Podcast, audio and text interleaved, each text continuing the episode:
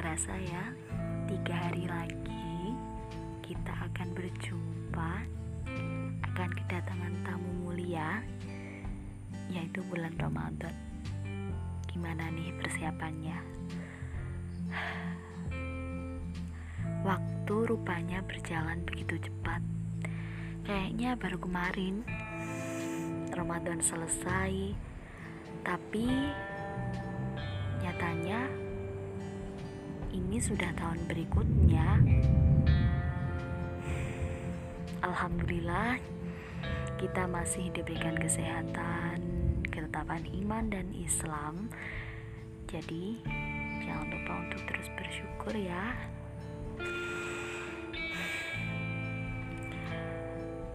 Karena kita akan memasuki dan menyambut bulan yang mulia, bulan Ramadan, maka untuk kita menyambut kesucian, katanya sih kita sendiri harus mencoba membersihkan diri kita, saling memaafkan satu dengan yang lainnya.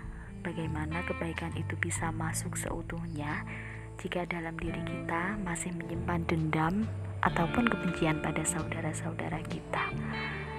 Jadi, yuk sama-sama maafkan yuk. Siapa pun yang mendengar ini, sama-sama memaafkan mungkin orang-orang yang pernah kita sakiti. Begitu juga orang-orang yang merasa mereka pernah menyakiti kita yuk dimaafkan jangan lupa juga memaafkan diri sendiri. Gak usah terlalu menuntut gak usah terlalu menyalahkan. Kita hebat dengan cara kita masing-masing. Kita indah dengan cara kita masing-masing. Jangan lupa terus menebar kebaikan.